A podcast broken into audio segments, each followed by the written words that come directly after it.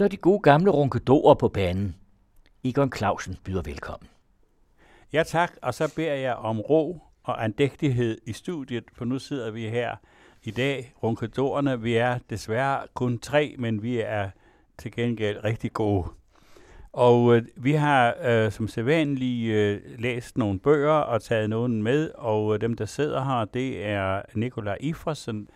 Nikolaj, hvad er det, du har taget med? Jeg sidder med en øh, vidunderlig bog af arkeologen Janette Warberg. Fortidens slagmarker hedder den.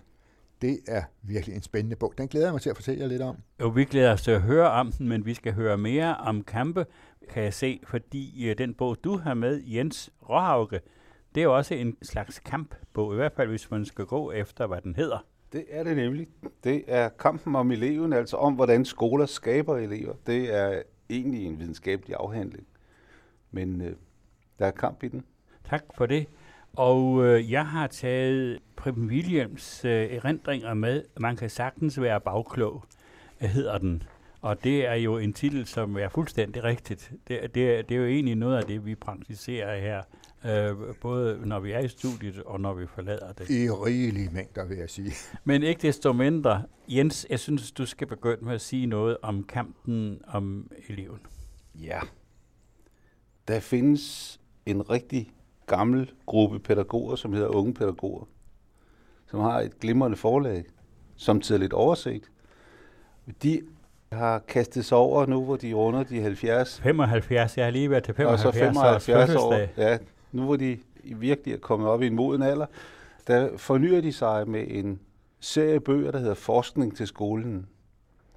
Og det kan godt være, at øh, Premilien snakker om at være bagklog. Her kunne man måske sige, at der er et anstrøg af at være forklog i, i den her, fordi bogen starter som alle videnskabelige rapporter gør, med at rise op alle forudsætningerne og alle afgrænsninger og sådan noget.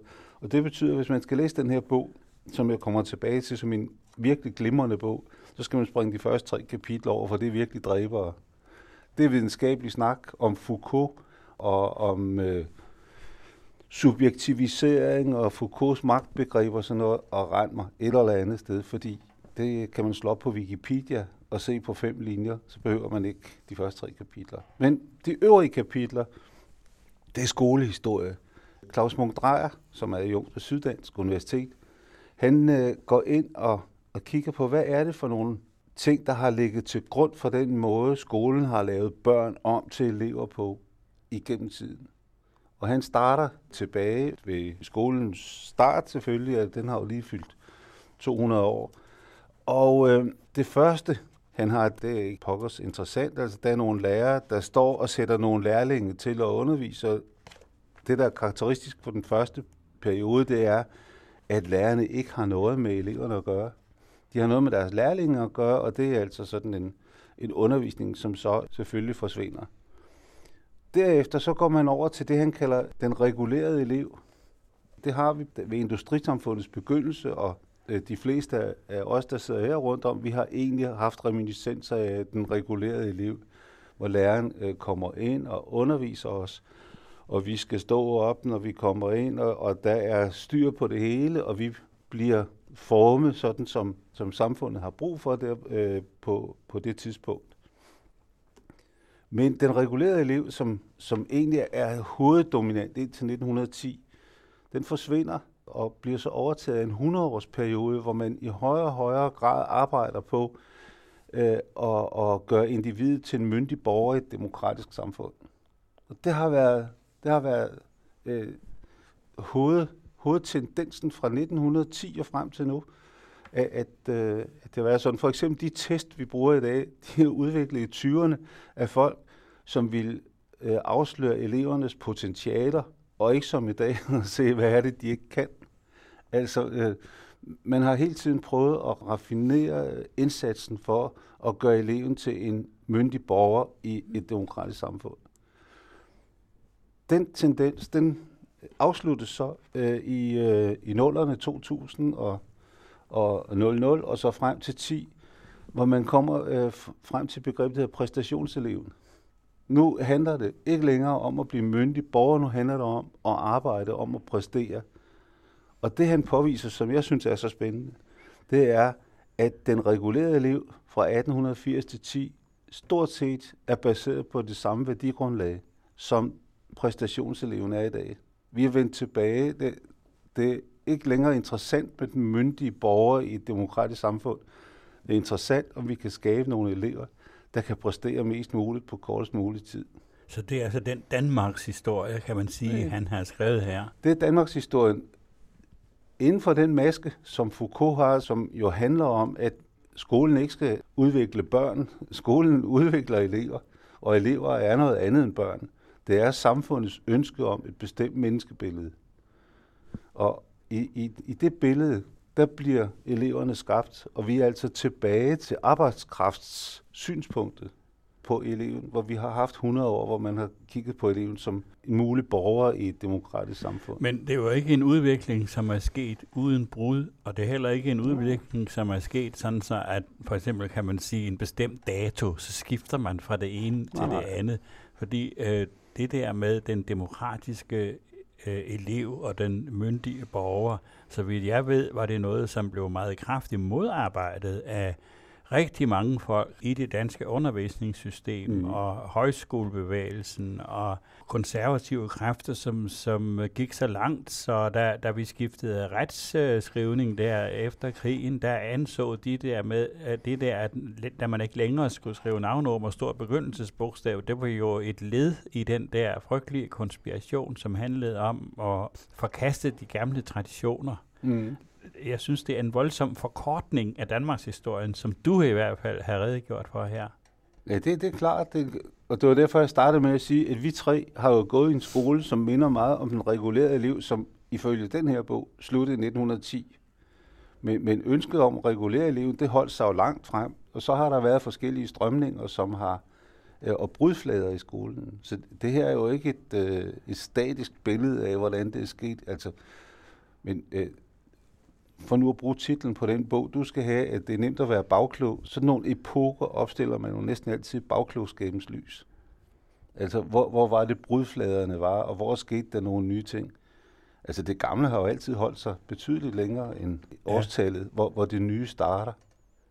Jo, jo, det er rigtigt nok, ja, men altså, jeg bliver helt målløs, fordi jeg synes ikke rigtigt, det hænger sammen med den Danmarks historie, som jeg kan. Der er det... Øh, ikke mindst den tyske besættelse, som gjorde, at danske lærere, i hvert fald de progressive af dem, de samlede sig blandt andet i Frit Danmarks lærergruppe, ja.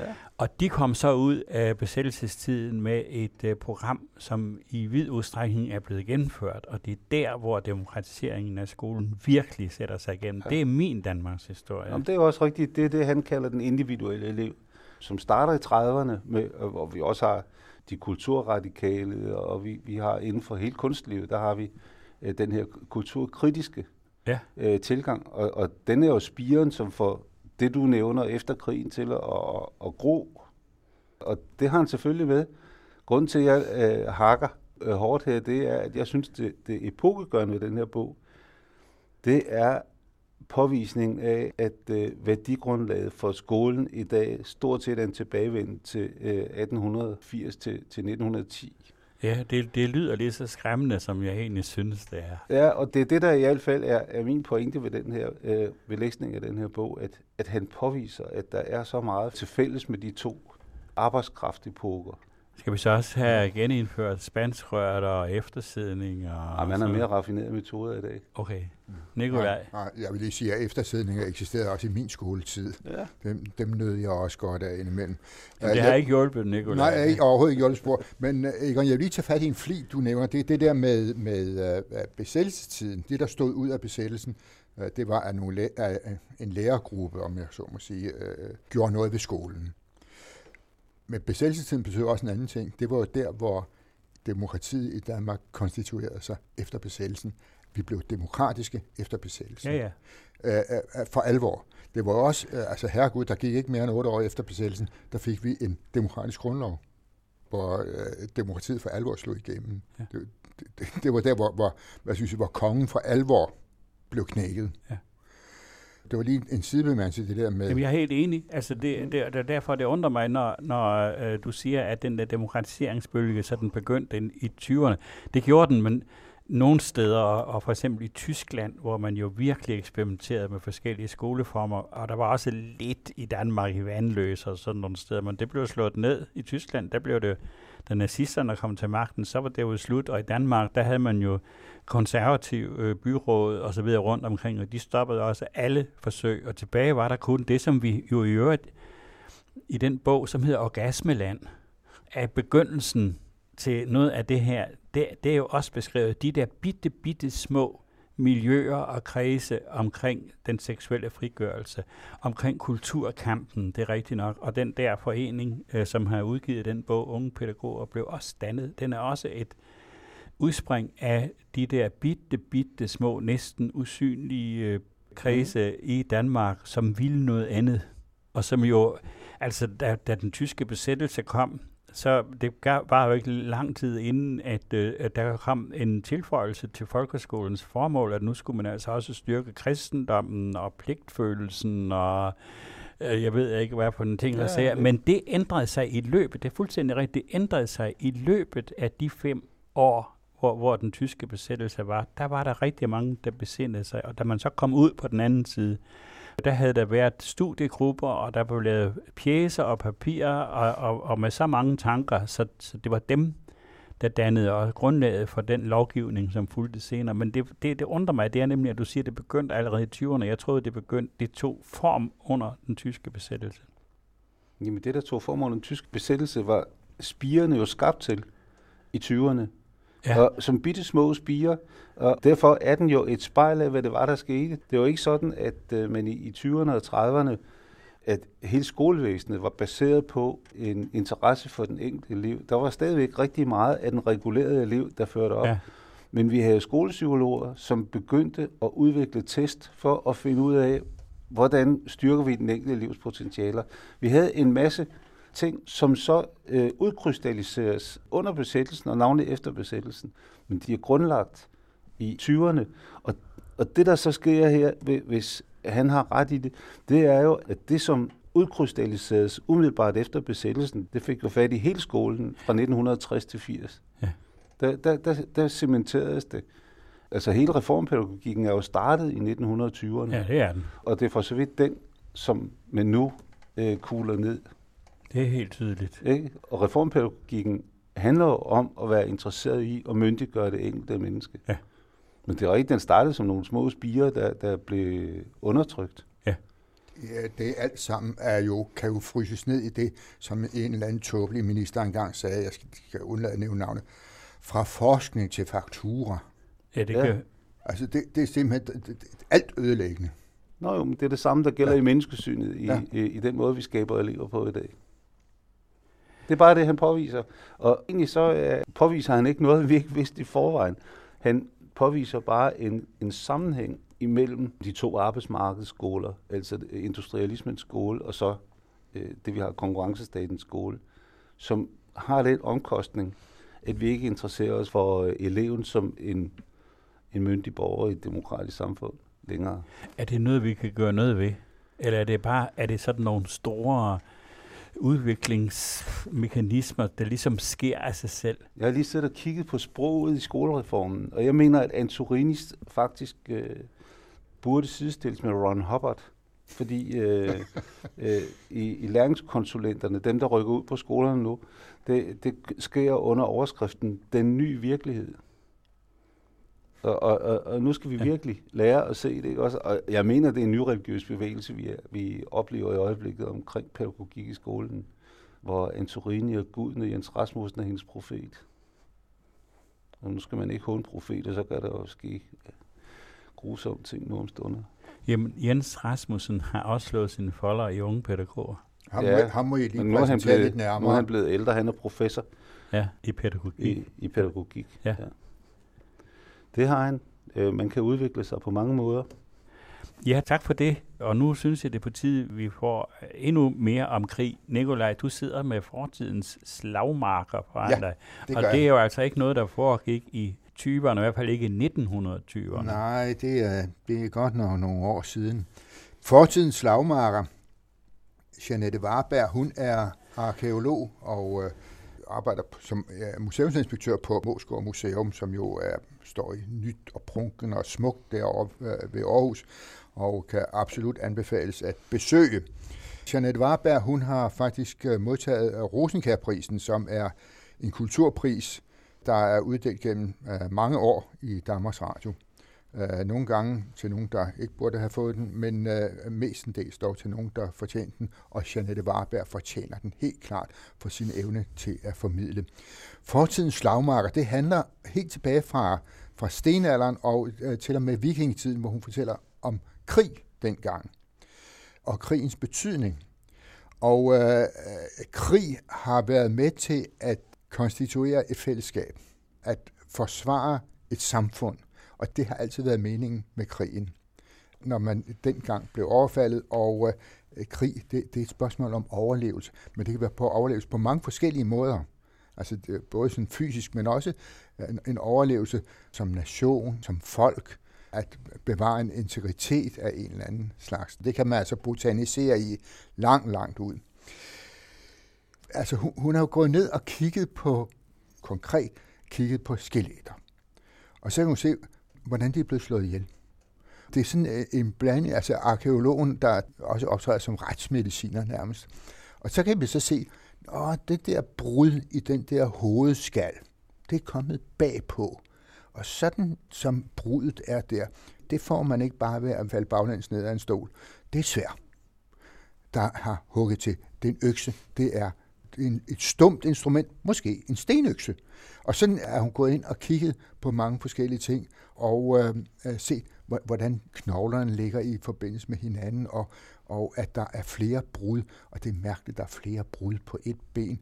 Jamen, det er nok fordi øh, under kampen, så øh, har de hoveret, og så har de knækket endnu flere knogler i den stakkels mand osv. Så, øh, øh, det, ja, det er stærkt tobak, noget af det.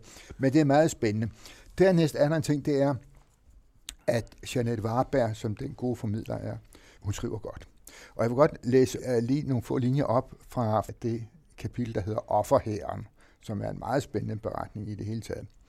Her skriver Jeanette Warberg. Nede i de vandfyldte dale mellem de østjyske bakker findes et skatkammer i verdensklasse. I de tavse dyb på bunden af gamle søer og moser mellem fiskeben og planterester ligger resterne af en glemt vigtig brik til billedet af den tidligste Danmarks historie. Våbenoffringer i et gigantisk omfang som et evigt vidensbyrd om østjydernes mange sejre i århundrederne efter Kristi fødsel. Mange tusind mænds krigsudstyr er gennem århundreder blevet ofret til krigens guder i udvalgte søer og dømt til at hvile i mørket. Naturens hellige dale var som naturlige templer, hvor fortidens mennesker gav guderne de faldende krigeres våben som tak for sejren på slagmarken. Pragtfulde romerske svær og rigt våbenudstyr i guld og sølv med indlagte edelstene er nogle af de kostbarheder, som arkeologerne har fundet gennem mere end 150 års udgravninger. Det ufattelige er, at der stadig ligger meget derude. Så sådan en, en, en indledning til et kapitel der, så siger jeg bare, her stopper jeg ikke. Nu fortsætter jeg. Ja, det er klart. Det er jo, ja. og hele den der historie om offerherren i Illerup Ådal, som uh, ligger lidt nord for Skanderborg, at man fandt nogle våben. Og så begyndte man ellers at søge. Og det var ufattelige mængder, uh, man har fundet. Og det er fordi, der har været et slag, og øh, måske lidt længere sydpå, og så har man samlet alt det våben sammen, som man har, øh, nu, man har slagtet modstanderne der, og bragt det op og offret til guderne. Altså, øh, det var meget værdifulde ting, øh, som man offrede der, men, men det skulle guderne jo have. Mm. Og det er jo så blevet et vidensbyrd om den gang, og, og, og, og hvad, hvad man gjorde. De gamle, de gamle danskere, stenalderfolk, var meget dygtige. De var jo fantastiske håndværkere. At de kunne tage en, en sten, flint, og så kunne de slå den sådan, så de kunne lave pilespidser. Og ikke alene kunne de lave pilespidser, men de kunne lave forskellige slags pilespidser, alt efter om det var pilespidser, der skulle bruges til at slå mennesker ihjel med, altså i krig. Eller om de skulle bruges til at jage med, til at slå dyr ihjel med. Fordi den pilespids, som de skulle slå mennesker ihjel med, den skulle være lavet på en sådan måde, at den splindredes i det øjeblik, den gik ind i kroppen på en mand, så han virkelig blev slået ihjel. Det er næsten sådan ligesom dum dum ja. Og den anden uh, pilespids, den skulle ikke lave så meget skade, fordi det er ikke så rart, at, at når man skal spise et dyr, at, uh, at, at, at få sådan små splinter af, af flint i munden. Det er sådan ligesom at spise glasskår. Det skulle ikke være særlig Eller havl. Eller havl, ja, ja. Ja. Det var så raffineret, hvordan de kunne skærpe sådan nogle, nogle, noget flint der. Det er simpelthen ikke uh, anderledes end for, for, for få dage siden, en lille uge tid siden, der tog jeg faktisk ind på Nationalmuseet, både for at se en, en, en fantastisk udstilling om pelsværk derinde, men jeg skulle også lige en tur forbi oldtidsafdelingen og kigge på flint. Som jeg husker, det var en plage, da jeg var dreng, at man skulle gå rundt der og blev slæbt igennem uh, ufattelige mængder af stuer, kun med, med flintøkser. Men nu er det jo lavet på en sådan måde, så det ser rigtig Man spændende kan ud. se, det er et enormt håndværk. Der kom på et tidspunkt en bog, der blev bestseller, som hed Hulebjørnens Klan. Og, og i den kunne man øh, fornemme, at øh, forfatteren selv havde været på et eller andet kursus i at tilvirke flint, fordi jeg har aldrig læst så mange sider i et stræk om øh, det at få flint tilvirket, og navnlig alle de mislykkede forsøg, der er inden man har, har den rigtige spids eller økse. Jeg er sikker på, at forfatteren har været på sådan et kursus og har oplevet, hvor svært det var, derfor skulle vi andre lide over så mange sider. men, men, øh, men det er virkelig flot håndværk. Her, her er ikke meget lidelse i den her bog, Jens. Det kan jeg Nej, men forsikre det var for. fordi, hun ikke selv har slået flint. Det er jeg simpelthen ikke sikker på, om ikke hun har prøvet. Nå, pyt med det. Men den store revolution, den kom jo, da man sydfra fik bronzen. Altså den legering af mellem, mellem kover og tin. Hvor man jo var i stand til at lave våben af en helt anden kvalitet. Og som holdt meget bedre, og så kunne skærpes og så videre. Man fik det ned sydfra, bronzen kom op, og så byttede man jo med, med den store handelsvare fra, fra øh, danskerne dengang, eller hele Østersøkulturen, det var, det var jo rav. At øh, man gav rav, og så fik man guld og bronze og ting og sager tilbage. Med bronzen kom jo så også det, at man, at, at, man lavede sværet. Og øh, især da vi så kom frem til jernet, så fik man jo virkelig at kunne lave et rigtig gode svær. Tunge, men de kunne bære dem, altså der var, det var stærke folk dengang. Og, øh, og, og med sværet øh, kom så også skjoldet. Og dem kan vi jo se, at det er sådan nogle flotte store bronzeplader. Nej, nej, det var det ikke. Et skjold dengang, det var ikke af bronze. Jo, hvis det skulle se pænt ud, og hvis man skulle sådan, uh, lave, præsentere sig og sådan noget. Men et bronzeskjold, det kunne ikke bruges til noget som helst, fordi selv en pil kunne trænge igennem bronzen. Næ, skjoldet blev lavet af træplader med skin udenpå, fordi det havde lige præcis det, at det kunne give sig så meget, som det virkelig kunne beskytte. Altså, nu bliver jeg nødt til at lægge lidt, lidt dæmper på her. Jeg siger, Ja, I må læse den, I må have fat i den. Jeanette Warbergs Fortidens slagmarker hedder den Krig og konflikt fra stenalder til vikingetid. Jeg blev fuldstændig opslugt i den. Jeg, der ellers øh, er mest af til krudt og kanoner, som er lavet øh, efter 1850 sådan stort set, er blevet virkelig fascineret af det her. Det er et virkelig stykke øh, formidling, der vil noget. Tak skal du have, Nikolaj. Hvor er det dejligt. Men, men den er altså også sjov for os, der er blevet undervist efter anskuelighedstavler. Fordi jeg kan da huske, at det undrer mig, at folk ikke kom til skade, for når de sad så tæt i stenalderen, så tæt på ham, der, der lavede stenøkser. Altså, der var mødre med børn, der gik der. Det var aldrig gået i dag, hvis arbejdstilsynet var kommet forbi. Så, så øh, det indgik jo, hele den epoke, det du snakker om, grund til, at det er så spændende, det indgik i vores undervisning som en levende fortælling. Vi har i vores sprog reminiscenser af det, man kan stadigvæk fare i flint, men der er jo ingen under 40, der ved, hvad det betyder. Men det, det er jo en reminiscens af, at, og, og derfor er det jo meget godt, at hun genoplever de her ting. Det, det er så super spændende. Og så en ting, der undrer mig, hvor, hvor hun må have fantasi. Jeg så i avisen i går et billede af en omfavnelse, der er 5.000 år gammel. Man har fundet en mand og en kvinde, der ligger og omfavner hinanden som skeletter. Ja. Og det, der må have foregået et senere ydre pres, fordi deres ribben er filtreret ind i hinanden, og det kan ikke være sket naturligt. Næppe. Men, men, men, men det viser sig jo, at, at det der med at omfavne hinanden, det, det har en lang historie bag sig. Er det det? Ja. Ja. Men uh, tak skal du have. Altså, rigtige mænd elsker jo bøger om krig. Det var dejligt at høre en rigtig mand, Nikolaj, Kom her. Det er jo litteratur, der vil noget, og som kan noget, og som jeg er glad for at være med her i kontorerne for at uh, lovprise så meget af. Og jeg sidder også med en, øh, en fagbog. Den handler ikke om krig i den forstand. Det er Preben Wilhelms øh, rendringsbog. Man kan sagtens være bagklog, og han fortæller om sin barndom og sin opvækst og sin skolegang i øvrigt. På den skole, han gik, øh, der brugte man jo korporlig afstraffelse, og de havde hele to spanskrør. Og de var begge to i etuier med grøn filt indeni. Og det ene rør, det hed skræk, og det andet, det hed redsel. Og hvis man blev dømt til at skulle have en med spanskrør, så måtte eleven selv vælge. Så der var altså visse form for fri, om han ville have skræk eller redsel. Det måtte han selv om. Så allerede på det tidspunkt var der jo der visse former for medindflydelse. Og, og Prim William skriver så på en meget øh, let flydende og, og personligt engageret måde om sit liv. Og det, det, som jeg nu vil koncentrere mig om her, det er årene i øh, VS og den øh, diskussionen af VS og også af enhedslisten nu. Han er ikke bitter, men alligevel synes han ikke, det går helt godt. Altså for eksempel siger han, at venstrefløjen øh, som en selvfølge jo var frisindet, parentes, men det er venstrefløjen åbenbart ikke længere, parentes, slut. Det var en selvfølge, at venstrefløjen var anti-autoritær. Det er åbenbart heller ikke tilfældet mere. Det var en selvfølge, at vi gik ind for fri has, afkriminalisering af narkotika, abort og pornografi. Men det er åbenbart heller ikke øh, på mode det hele lige nu. Og det kan da godt være, at han har ret i det.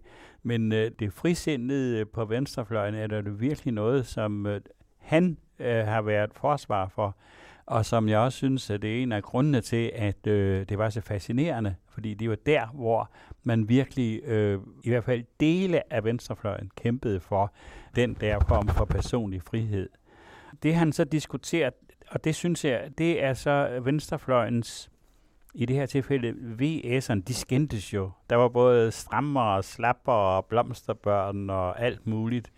Og jeg, jeg har også oplevet som det store, et af de store problemer, det er forholdet til magt. De havde jo det, der hed det udvidede medlemsdemokrati, som jeg mener har været med til at ødelægge Christiania, og som har været med til at øh, besværligt gøre på eksempel enhedslisten, som jo også har det der såkaldte øh, medlemsdemokrati, som betyder, at man ikke kan handle hurtigt, som betyder, at man altid skal regne med, at der er nogen, der siger noget andet end det, som flertallet, og, og, og det er baseret på en øh, afgrundsdyb mistillid til magt. Og jeg betragter det som politisk umodenhed, jeg betragter det som øh, altså et selvbedrag af, af meget store dimensioner, men det gør Preben William ikke. Han forsvarer det der elendige system, selvom han siger, at han, han, samler, han går op til enhedslisten i dag, altså en overdrevet mistænksomhed over for valgte repræsentanter, som betyder blandt andet, at når enhedslisten er i en forhandlingssituation, så kan pressen med usvigelig sikkerhed finde de fem til seks medlemmer af hovedbestyrelsen, som er parat til at kaste grus i maskineriet. Det har vi jo set den ene gang efter den anden. Hvorfor kan de dog ikke tage sig sammen at indrømme, at der findes andre måder at organisere sig på, end det der, som er efter min mening altså øhm, direkte skadeligt. Men jeg har jo truffet mange, øh, ikke mindst pensionerede lærerinder, som synes, at magt er noget af det værste, der findes. Og det er det også. Men når man har sådan et åbent medlemsdemokrati, så bliver magtens udøvere usynlige. Magten bliver udøvet af skjulte kanaler – der er ikke en valgt formand, som man kan stille til ansvar, men det er sådan noget, der foregår, fordi man står op på et møde, og så er det de der gavehoveder, som øh, øh, måske er gode til at formulere sig, men som øh, ikke kommer til møderne, når der skal arbejdes. Det er sådan nogen, og det er destruktive kræfter. Jeg forstår ikke, at Prem William stadigvæk går ind for det. Det viser sig også, at han skriver her, at så må han selv en gang imellem, fordi han er jo nu sådan en kendt person og populær med god grund, så griber han ind selv og sætter nogen på plads. Det er også vigtigt, men det er stadigvæk, den proces er, er, er, vil altid være svag, fordi den jo ikke har basis i en vedtagelse. Det er et personligt initiativ. Jens? Men for lige at tage dine lærerinder Ja. øh, frem, så er det jo spændende, hvis man sammenligner det med, med den her bog om kampen om eleven, at netop de lærerinder har om nogen udøvet magt. Jamen, det, Ikke, og, og med, øh, hvis man ikke erkender magtudøvelse, så øh, overlader man til andre at udøve magten.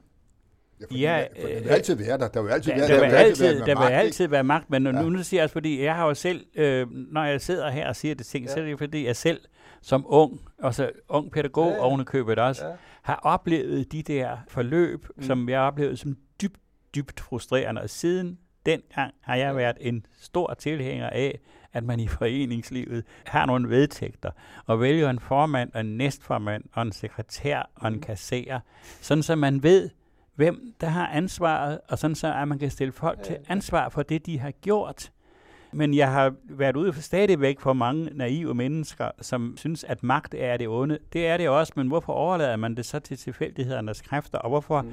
Er man så ahistorisk? Fordi den foreningsstruktur, som vi har, det er jo ikke en, der er opstået sådan lige tilfældigt. Det er jo en, der igennem århundreder har udviklet sig, og man har lært, eller også har man, som i det her tilfælde, ikke lært af det. Nå, Prim William, du må meget undskylde, men jeg synes, at det her, det, det er altså efter min mening en del af venstrefløjens selvpåførte svaghed.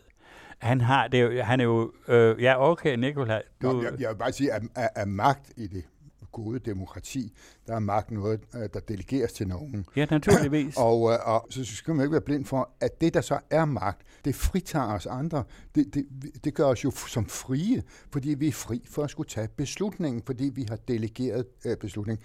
Der er for eksempel, jeg ved, der findes noget, der hedder saltvandsfiskeriloven, og øh, den har jeg ikke ret mange meninger om. Men, men jeg kender nogen, eller politikere, som jeg har meget stor øh, tillid til. Og jeg er helt sikker på, at de vil træffe den rette beslutning om saltvandsfiskeriloven. Ja, naturligvis. Det er jo det. Jeg har delegeret min mening til andre mennesker, og, og, og, og, sådan fungerer det. Jeg delegerer ikke alle mine meninger til andre mennesker. Nogle af dem vil jeg godt have lov at beholde selv og lægge frem selv. Det, den der med, at magten er ubehagelig, det er jeg helt uenig i. Det er det ikke. Magten er noget nødvendigt. Det kommer ind på, at magten er transparent. Altså, Ja. for at vende tilbage til en, en, en tidligere bog, vi har haft, nemlig Jesper Tunnels Mørkelygten. Ja. Så ubehaget jo, hvis de, der har magten, lyver og bedrager, og for så vidt fifler med, Jo, jo. Ja. med, Det med, jo med klart, deres der, magt. der, der skal være en gennemsigtighed. Vi skal, vi, vi, vi skal kunne se magten. Ja, Altså, men, men, men du kan kun se magten, hvis du anerkender den. Preben Ja, har nogle, nogle eksempler på, hvordan øh, ikke mindst Axel Larsen i SF kunne manipulere med vedtægter og manipulere sådan så, at øh, det, som han ville have igennem, det så også blev gennemført. Mm. Men det er jo noget, der skaber stor frustration, og det, er netop, det foregår netop ved, at man skjuler nogle processer, og det hedder, at man, det, man sidder inde i det lukkede baglokale, ikke? Og, og, og, og, og manipulere. Det kan man også gøre, men derfor så skal det være åbent. Og det, jeg synes ikke, det skulle være så svært at forstå, men det er det åbenbart på venstrefløjen. Jeg synes, det er en glimrende bog, og den er også historie, altså bog, hvor det fortæller om dannelsen af SF, brudet med det gamle DKP, dannelsen af, Socialistisk Folkeparti, og brudet med SF, hvor VS'erne gik ud og, og lavede deres eget parti. Det er jo vældig interessant, og der er en beskrivelse af de der processer omkring magten. Men der var også magtkampe, og også i VS var jo plaget af, af det der, ikke? Og der, han, han konkluderer så, at han, fordi der er mange overløbere til andre partier, og han mener, at der er tre slags overløbere. Den ene slags er den, man kalder for blomsterbørnene. Det er dem, som aldrig nogensinde er helt sikre på noget som helst, og det synes han egentlig er meget fint. Det er okay med dem. Så er der de skråsikre, som altid ved, at de andre er nogle idioter, og som skal bekæmpes. Og hvem han tænker på der, det ved jeg sådan set ikke. Men så er det den tredje gruppe, og det er de rethaveriske. Det er en gruppe, hvor man altid har ubetinget ret og har bekriget afviger med bål og brand, men selv om de pågældende rutsede fra VS's fundamentalistiske overdrev til den yderste højre fløj, insisterer jeg på, at de ikke har flyttet sig. Og det kan man sådan set, det har de sådan set ret i. Men øh, det, de aftvinger ikke øh, ligefrem respekt. Man kan også kalde dem for Pittelkov-syndromet. Så ved vi, hvem det er, og det mener jeg fuldstændig rigtigt. Det er Ralf Pittelkov og Karen Jespersen, som jo har været på VS og gået over Socialdemokratiet, og nu sidder ude på højrefløjen af Dansk Folkeparti. Og jeg mener ikke, de nogensinde har flyttet sig. De har hele tiden været der, hvor de kunne føle, at de havde ret og kritisere de andre, og hvor de kunne få magt, nemlig. Det de gået efter hele tiden. Og det har de så også fået en mærkelig form for magt. Men læs nu Preben Williams bog. Man kan sagtens være bagklog, det gælder jo også os andre. Men jeg synes, den er, er rigtig god. forrygende klog. Han er rigtig god. Han er rigtig klog. Hvem var det, der han er hverken bagklog eller forklog, han er bare klog. Hvem var det, der sagde, at han udgjorde halvdelen af intelligensen i Folketinget? Det, var det Uffe Ellemann? Jeg kan ikke huske det. Det ved jeg ikke. Ah, jo, det tror jeg. Nå, var det? Okay. Der, der var en af Men de jeg der, kan, en om, jeg kan i øvrigt en om Helge Sander, ja. som jo ikke var for kvik. Og de siger, at da han rejste tilbage til Herningen, der steg gennemsnitsintelligensen både i Folketinget og i Herning. det var uvenligt. Bøgerne, der blev omtalt, var Preben Vilhjelm. Man kan sagtens være bagklog. Den er udkommet på forlaget Lindhardt og Ringhof. Claus Munk Drejers, Hvordan skoler skaber elever, fra forlaget Unge Pædagogers nye serie Forskning til skolen. Og Fortidens slagmarker af arkeolog Jeanette Warberg, udkommet på Gyldendal.